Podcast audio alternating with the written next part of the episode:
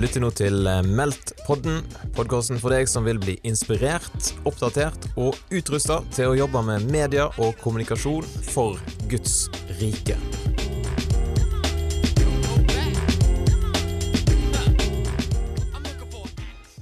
I dagens episode av Meldt-podden så får du møte ei dame som har starta to selskap innenfor digital kommunikasjon, og har altså god kompetanse på dette her med sosiale medier, kommunikasjon og hvordan en skal lykkes med å starte bedrift, og hvordan en skal lykkes med å delta i sosiale medier. Så hvis du vil ha noen gode tips om dette, her, så bør du lytte til dagens eh, episode. Man kan jo også nevne da at uh, Ingvild har vunnet pris for årets sosiale mediepersonlighet, og at hun jobber med store kunder som eh, DNB, Miljødirektoratet, Orkla osv. Så, videre. så sett deg ned, eller gå en tur, tren, gjør det som du gjør når du lytter til en podkast, og så kan det jo være at du lærer noe nytt og blir utfordra til hvordan du kan gjøre en forskjell i sosiale medier. Da er det supert at eh, du, Ingvild Moen, har lyst til å være med på eh, Meldt-podden. Det setter vi veldig stor pris på. Og grunnen til at vi har invitert deg med, det er jo at du grunnla byrået Resonate i juni 2013. Og Derfor tenkte vi at det kan være spennende å ta en liten prat med deg og høre litt om eh, hvorfor du gjorde det, og ja, om du har noen gode tips til folk som går med en liten sånn gründerspire i seg. Tema for neste års eh, Meldt-konferanse er kreativitet, og òg med litt sånn fokus på gründervirksomhet. Da tenkte vi da passer det godt å invitere med en person som har lykkes veldig godt eh, med en sånn type gründervirksomhet. Så aller først, hvem i all verden er Ingvild Moen? Altså Først må jeg jo takke for at jeg får lov å være med. Det er jo veldig veldig hyggelig. Hvem jeg er, det er et veldig stort spørsmål. Jeg jobber, eh, jobber, mye med sosiale medier for noen eh, store norske annonsører. Og driver mitt eget selskap sammen med min samboer og min søster. Er du i slekt med Thomas Moen? Det har jeg lurt på av og til. Det, det er et godt spørsmål. Det, jeg pleier å kalle han eh, 'brother from another mother', fordi vi er ikke i slekt. Men vi jobber jo med det samme og har jo litt sånn eh, lik profil på en del ting, så jeg lærer mye av han. Og eh, vi sparer innimellom, så han er litt sånn som en ekstrabror, da. Ja. Jeg har to andre brø vanlige brødre. Sant. og så lurte jeg litt på, Hvorfor i all verden kaller du deg for Plosiv på Twitter og Instagram og Snap? Er det en grunn til det? du, det var eh, Jeg er utdanna lærer, eh, og da jeg skulle ta lærerutdannelsen, så måtte jeg prøve å skjønne, huske hva plosiver var. Fordi i norskundervisning eh, når du skal bli lærer, så må du lære litt om, om språket. Og plosiv det er eksplosive språklyder. Så for å huske det navnet, så var det ca. på samme tid som jeg registrerte meg på Twitter. Så jeg må ha et litt morsomt navn, jeg må huske hva dette ordet betyr. Ja, det passer bra å kombinere det, på en måte. Eh, så det er litt uh, tilfeldigheter rett og slett som gjorde at det ble hetende Plosiv. Har du angret på det etterpå? Nei, nei, nei, jeg elsker det nå. Jeg, tenker, jeg lever litt i den tro at det, det, å angre på noe man har gjort på den måten, det er liksom Da kan jeg jo bare endre det, hvis jeg angrer på det. Så det er morsomt å ha vært med på. Når kom denne tanken, for du sa du var utdanna lærer, eh, og når fikk du da en tanke om å gå en litt sånn annen vei enn læreryrket, da, inn i kommunikasjonsbransjen og sosiale medier? Altså, det er litt uh, tilfeldigheter, egentlig. Uh, jeg var ferdig utdanna lærer i 2011. Og samtidig som det så skulle jeg starte med en liten sånn hobbybedrift hvor vi så at sosiale medier uh, Nei, unnskyld, ikke 2011, 2010. Så så vi at 2009 tror jeg faktisk var. Ja, stemmer. Det er tiårsjubileum nå. Ja, nå roter jeg fælt. 2009 så, så, var jeg ferdig utdanna lærer, og samtidig så så vi at sosiale medier begynte å bli noe bedrifter benytta seg av. Men de benyttet seg på en måte ikke av sosiale medier som sosiale medier. De benytta seg av sosiale medier som landingssider for andre ting de drev med. Eh, og fant ut at det kunne være litt spennende å satse på å gjøre noe eh, gøy rundt det. Så da startet vi et lite selskap som het eh, Medialight, og drev med det i eh, parallelt med at jeg var lærer fram til 2012. Da ble vi faktisk kjøpt opp av et ordentlig mediebyrå. så det var ganske stort. Og så jobba jeg i det mediebyrået i ett år og fant ut at jeg, hva, jeg trives best på egen hånd litt sånn sta snertingdøl, så da slutta jeg å starte for meg sjøl igjen. Så for andre gang. Ja, Så du har, eh, du har starta to bedrifter, rett og slett? Ja, rett og slett. Det er jo imponerende. Ja, det er veldig gøy. Det er, jo, det er jo litt heldig ting å starte. fordi at eh, det er veldig lav investeringskostnad. Det er på en måte tiden din og hvor mye ressurser sånn tidsmessig du har lyst til å legge ned i å få god nok kunnskap til at du kan leve av det. Og så er jeg jo heldig som er utdanna lærer, fordi eh, da kan man jo, eller har man jo lært den formidlingsdelen da, på de fire åra på, på høgskolen. Så det har jeg hatt veldig, veldig glede av. Når kom ideen, på en måte, og hvor lang tid gikk det fra du fikk ideen til du satte den ut i livet? Altså, det første firmaet var ikke helt min idé. Det var eh, en, en som jeg jobba sammen med på den tida. Eh, men min andre, mitt andre selskap som jeg starta helt på egen hånd, den kom vel sånn ganske kjapt etter at jeg hadde kjøpt, blitt kjøpt opp. For jeg merka det å jobbe i et større system Eh, det er litt eh, vanskelig når man er litt egenrådig og sta, sånn som jeg er. så da fant jeg fort ut at oi, det her er spennende og lærerikt, men jeg trives bedre på egen hånd. Ja. Så jeg brukte et år da på å finne ut hvordan jeg skulle gjøre det, og da fant jeg ut at for å få ting til å Altså jeg, det eneste jeg visste, er at jeg måtte ha nok inntekt til å betale huslån. Uh, så da gikk jeg rett og slett for å leie ut gjesterommet mitt på Airbnb, og det her var jo i 2013, så det var ikke så vanlig på den tida. Uh, og da sikra jeg på en måte fast inntekt eh, via Airbnb, samtidig som jeg da starta opp for meg sjøl. Ja. Og det har gått over all forventning. Og det har fungert greit med Airbnb? Det har ikke blitt sånn rasert eh, på rommet? Nei da. Jeg bodde jo sammen med de folka som bodde hos meg, så jeg ble kjent med folk fra hele verden. Og flere av de jobber jo nå i Facebook og Instagram, og jeg har fått masse glede av å kjenne de etterpå. Så har liksom, det har vært en veldig positiv ting, faktisk. Ja, Det er en genial måte å knytte kontakt med folk på. Ja, absolutt. Så litt sånn ekstra glede der. Hvis du skulle si noe om de viktigste faktorene til at du nå har lykkes med, med Resonate, hva ville de faktorene vært? Eh, en av de viktigste tingene tror jeg er at vi er veldig opptatt av å lære bort det vi kan videre til alle kundene våre. Sånn at vi ikke blir sittende som en brems mellom på en måte kundene våre og utviklinga deres, og eventuelt deres ønske om å gjøre ting på egen hånd. Vi har ikke lyst til å bygge liksom et stort byrå hvor vi knytter kundene våre til store kontrakter over lang lang tid. Vi har litt sånn korte øh, oppsigelsestider. Uh, og det gjør at vi hele tida må være litt sånn skjerpa, og at vi må levere veldig, veldig bra. Det er også at vi litt raskt heldigvis fikk etablert oss som eksperter, på en måte, istedenfor bare rådgivere. Og at vi egentlig faktisk kan velge og vrake i kunder litt sånn som vi vil selv. Eh, så måten jeg f.eks. får kunder på er kanskje litt annerledes enn andre gjør. Fordi jeg holder foredrag eh, som jeg får betalt for. Og når jeg holder foredrag, så er det stort sett noen som kommer bort etterpå og sier sånn åh, det her var kjempespennende, kan du lære oss hvordan vi gjør det helt konkret for vår bedrift? Og så får jeg en kunde på den måten. Det er jo genialt. Så det er liksom, da, da er det en sånn positiv eh, sirkel i det, da. Har det skjedd noen gang i løpet av disse årene du har holdt på, at du har eh, måtte, gått lei og tenkt at nå går jeg tilbake til læreryrket, eller blir du aldri, på en måte, kommer du aldri til å praktisere lærer? Jeg føler litt at jeg praktiserer læreryrket hver eneste dag. Altså, jeg er litt uh, heldig, for jeg jobber med I dag for eksempel, så jeg har vært hos Utdanningsdirektoratet, som er en av uh, kundene vi faktisk har vunnet anbud hos. Uh, og da får jeg virkelig brukt lærerdelen av meg. Men, uh, og når jeg lærer bort disse tingene til kundene mine, bruker jeg også læreregenskapene jeg tilegner meg da. Men jeg savner, altså jeg savner, å være lærer for elever, for liksom små barn som uh, sier masse morsomt og rart og sånn. Men altså det er veldig veldig gøy da, å drive for seg selv. Det er en frihet som man får, og det, er mye mer jobb enn det jeg har gjort tidligere. Men samtidig så er det jo på en måte jobb for meg selv og for prosjekter jeg har veldig, veldig stor tro på. Så det er en veldig eh, takknemlig ting egentlig å få lov til å gjøre.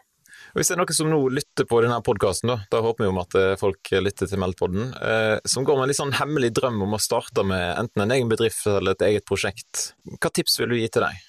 Jeg vil råde dem til å eh, finne ut de, hvor lite de kan Altså hvis de vil starte opp en bedrift, da. Hvor lite kan de leve på? Hvordan kan de sikre inntekt på annen måte?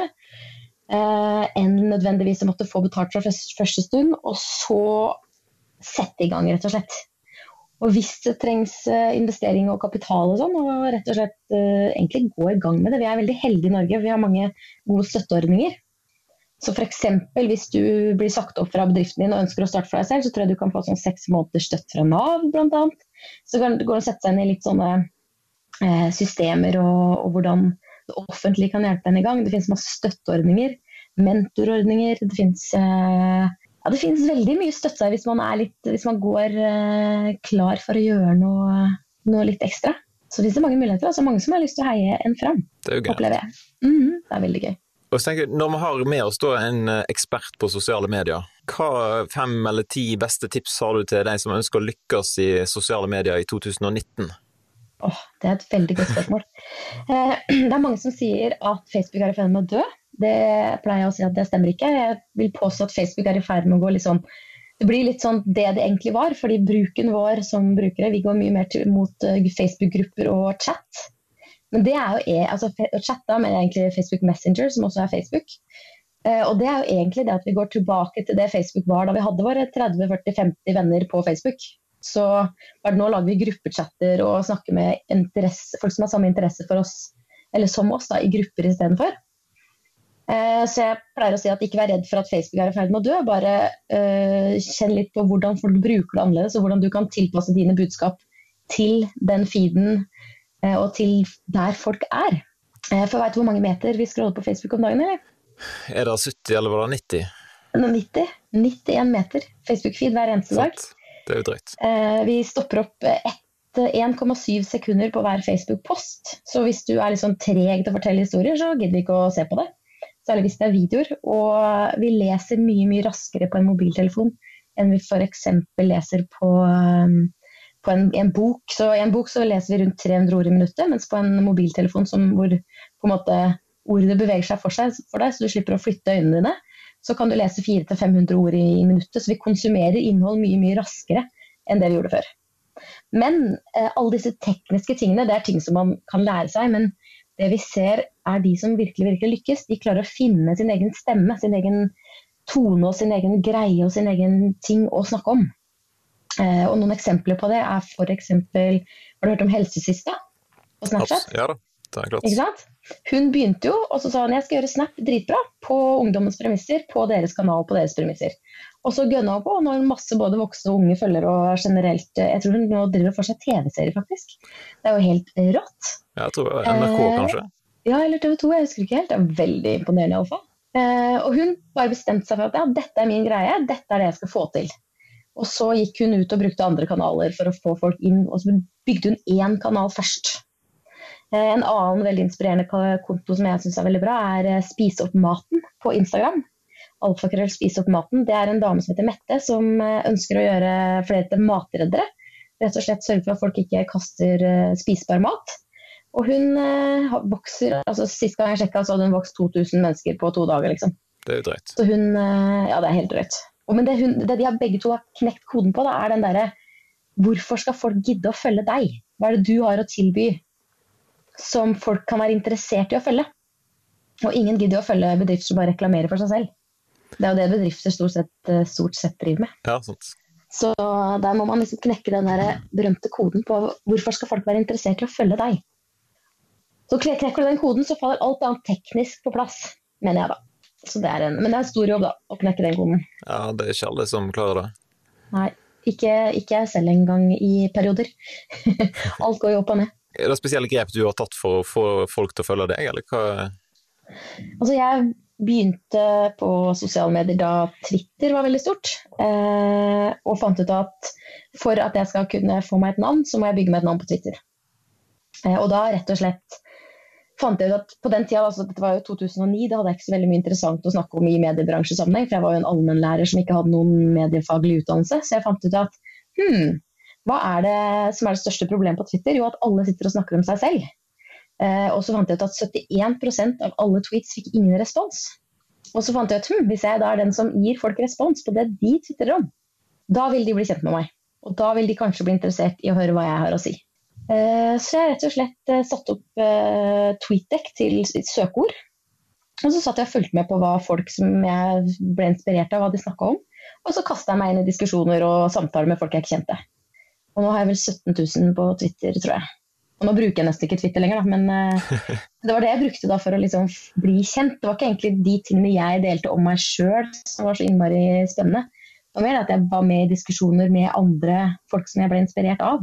Og så la de merke til meg, og så, og så hadde jeg en liten sånn taktikk på det å sørge for at jeg alltid hadde flere følgere, følgere enn det jeg fulgte. Sånn at det, da ser det jo mer populær ut, ikke sant. Og etter hvert, når det kommer opp sånn 10 000 følgere, da går det litt mer av seg sjøl. I hvert fall på Twitter på den tida. Da. Eh, og nå som jeg er blitt eh, ti år eldre og ikke egentlig har lyst til å bygge byrå, så nå kjenner jeg at jeg er lei av det med følgere. Så jeg gidder ikke å gjøre noe for å få nye følgere, for helt ærlig. Jeg tenker sånn, jeg, har, jeg, er kjempeglad fordi jeg tror det er en 3000 som følger bedriften min på Instagram, f.eks. Som er min hovedkanal om dagen. Og da tenker jeg at det er mye mer gøy hvis jeg kan ha de 3000 og de heier meg fram, enn at jeg skal drive og gjøre mer ablegøyer. Jeg gjør heller mer for kunden min da, enn det jeg gjør for meg sjøl. Så nå er det litt sånn skomakers barn på, på, egne vegne. Men uh, det er det å finne denne stemmen, altså. Finne ut hva du har å bidra med. Jeg hørte en annen podkast eh, som Hva var den heter nå igjen? Eh, disse supre damene eller noe sånt. Ja. Der du var med. Hva var det heter det? Ja, Power Ladies. Power Ladies, yes. eh, stemmer. Der snakket du om at det å prøve og feile var grådig viktig. Kjempeviktig. Rett og slett fordi eh, Facebook og Instagram og Snap og alle disse kanalene de endrer seg såpass fort at, eh, at det er bare å prøve å Altså du må prøve deg fram litt. Og så må du følge med på statistikken på hva som fungerer og hva som ikke fungerer. Og så må du gjøre mer av det som funker og mindre av det som ikke funker. Og det høres jo veldig enkelt ut. Det er ikke så enkelt i praksis, for de har jo mange interesser og mennesker som mener mye. Men, men det er Jeg pleier å si én ting da, for til de som er redd for å prøve å feile. Og det er at Hvis du er redd for å feile, så er det verste nesten som kan skje, med mindre du kommer liksom på forsida av VG og driter deg ut. Så er nesten det verste som kan skje, er at du legger ut noe på f.eks. Facebook, og så er det ingen som responderer på det. Og da er algoritmene så enkle at de rett og slett sier oi, denne posten er ikke interessant for folk, vi bare siler den ut. Da kommer den på en måte ikke feeden til så veldig mange, så du driter deg ikke ut for så veldig mange. Eh, for Jeg møter mange som er liksom nervøse og redde for å poste ting og dele ting. Men eh, for de aller fleste så er det større problem at man ikke når ut, enn at man, er, at man driter seg ut med det man driver med. da. Så det å tørre å prøve, det opplever ja, det er veldig, veldig viktig. Men det er da vanskelig, for du har jo ganske mange store, seriøse kunder, på en måte. Og så kommer du og sier at nå skal vi, nå skal vi våge å prøve å teste forskjellig. Er folk eh, med, eller sitter det en eller annen sånn sjef og er litt sånn skeptisk? Jeg er veldig heldig, for jeg, hvis jeg får en kunde som ikke er interessert i å prøve å teste og feile, så kan jeg ikke jobbe med vedkommende. Fordi sosiale medier funker ikke på den måten at en sjef kan sitte på toppen og si hvordan det skal være. Eh, sosiale medier funker på den måten at eh, vi må tilpasse oss eh, målgruppa vår og, og feedene som er der ute. Og så må vi legge innholdet vårt så godt til rette som mulig. Så jeg er veldig veldig heldig å jobbe med bare måte folk som skjønner det. Da. Så f.eks. jobber jeg med en fantastisk dame som heter Anne Støren. Og hun, hun, kaster ut ideer innimellom som er helt sånn supersprø, og så tester vi om det funker eller ikke. Så kommer jeg med noen ideer som er supersprø, og så tester vi ut og ser om det funker eller ikke. Og sånn lærer vi hva, hvor, på en måte, hvor det napper, da. Eh, så må vi ha på en fisketur, på en måte. Er det, hva er det som gjør at folk er interessert i det vi har å snakke om? Og der snakker vi om vaskemidler, det, og det funker faktisk veldig veldig godt. Folk er overraskende interessert i eh, vaskemidler og kroppsprodukter og den type ting som vi jobber med der. da. Kan du gi et eksempel på en sånn crazy sprø ting som dere har testa som ikke har fungert, uten at du liksom sier hva kunde det har for? hypotetisk uh, sett. En hypotetisk ting som ikke har fungert. Jeg, jeg kan ta en, eh, en, ting som Det er ikke da noen av de jeg har nevnt av kundene mine så langt, men det er noen som posta en det, var, det gikk noe teknisk feil. Eh, hos denne kunden. Så de jobber med da noe bare digitale tjenester og produkter, og så skjedde noe digitalt feil, og så posta det en hund. En sånn En av disse hundene som Eller er det pugs det heter? Disse som har veldig sånn nese langt inn i ansiktet, skal jeg til å si, eller hundesnuten. Ja, sant. Uh, og da trodde jeg det skulle være litt morsomt. Da bare, Oi, nå har vi tekniske problemer, men se på denne søte hunden så lenge. Uh, da fikk de masse kritikk, fordi det var sånn uh, hund som ingen altså, som er sånn kunstig var veldig mye fokus på at den, akkurat den hunderasen var veldig feil. Da. Så da fikk de masse kritikk for det. så det var liksom ment som en positiv men feila liksom på hoppkanten pga. feil valg av hund, rett og slett. Sant. Det, er jo. Jeg har jo hund, og har jo, hvis du skal lete etter engasjement på en måte på Facebook, ja. så er det å melde seg inn i disse hundegruppene. Hjelpe meg, der er det mange folk som mener mye om det aller, aller meste. Det er akkurat det. Så Man fikk jo mye engasjement, men det var ikke så veldig positivt. Så, men nå er jo det glemt. Det er det som er fordelen med det. I morgen er det noe annet folk uh, snakker om.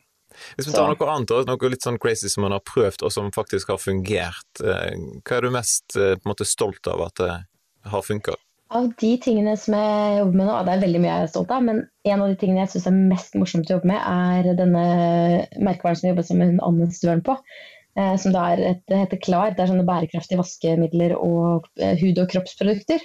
Og der er merkevaren sånn at de snakket, eller da de fortalte om den merkevaren til meg, så sa de at denne merkevaren her blir liksom, må bli til sammen med folk.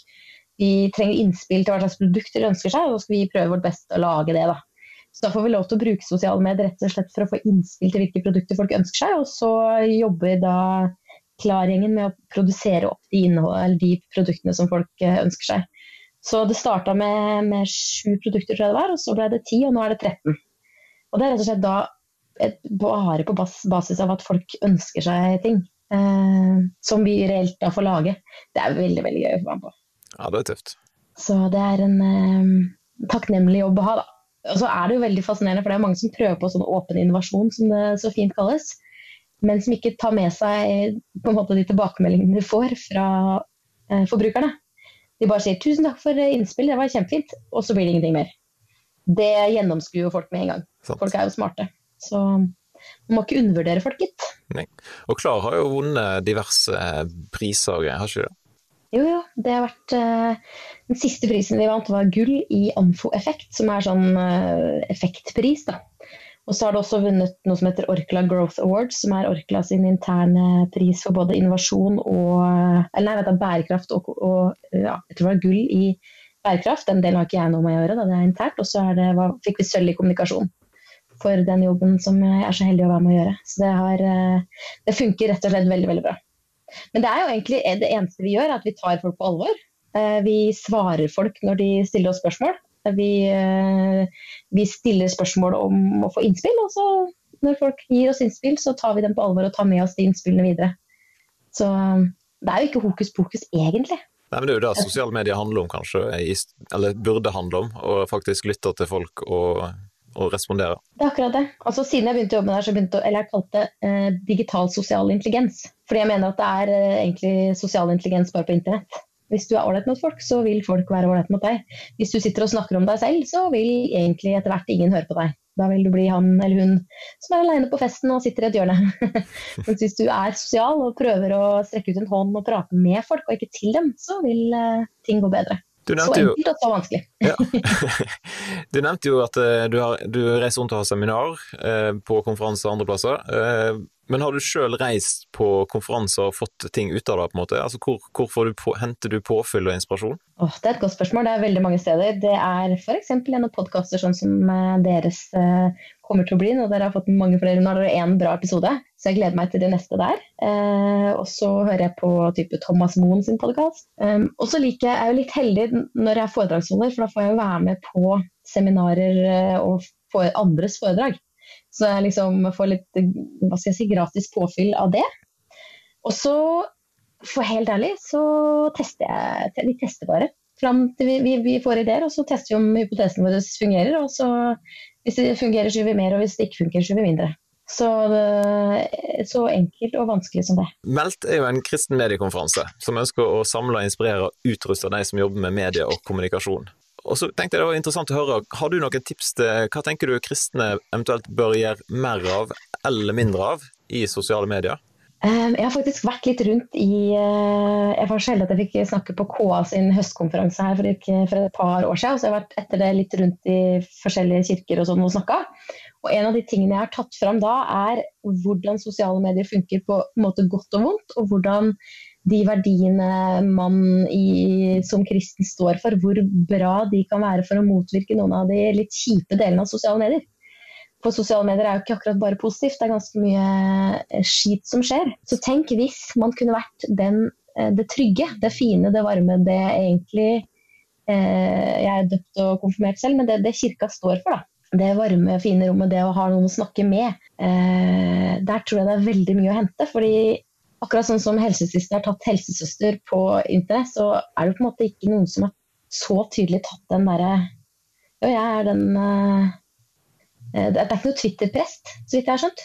Ja, det har jo vært menighet. Det har kanskje vært det. Det har vært, men jeg tror ikke det er sånn veldig masse aktive. Det er jo litt av det som er tanken med Meltog, er jo å inspirere noen til å gå ut og ta den, eh, den rolla. Så det kan jo være en oppfordring. Åh, det hadde vært så gøy!